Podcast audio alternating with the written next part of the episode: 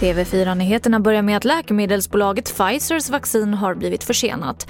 50 miljoner doser av covid-19-vaccin som skulle blivit klara i år kommer att dröja och därmed halveras årets planerade leverans av vaccinet som tidigare i veckan godkändes av det brittiska läkemedelsverket. Trots ekonomisk oro och osäkerhet inför framtiden så verkar pandemin inte ha påverkat hur många som blir gravida i Sveriges storstadsregioner. Uppgifter från Region Skåne, Stockholm och Västra Götaland visar att antalet nyinskrivna på barnmorskemottagningarna i år i stort sett är samma som i förra året. Där skriver DN. Och till sist kan jag berätta att det har blivit färre veganer och vegetarianer i Sverige. Detta enligt en undersökning som livsmedelsföretagen har gjort.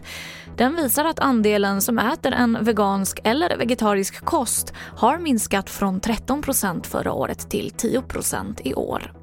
Vi ser ju att sortiment, och, eller rättare sagt försäljning av de här produkterna ökar. Men vi tror att den kanske breder ut sig då, att man blir mer flexitarian fler blir det istället. Det sa Elisabeth Rytter som är forskningsansvarig på Livsmedelsföretagen. Och det var det senaste från TV4 Nyheterna. Jag heter Emily Olsson.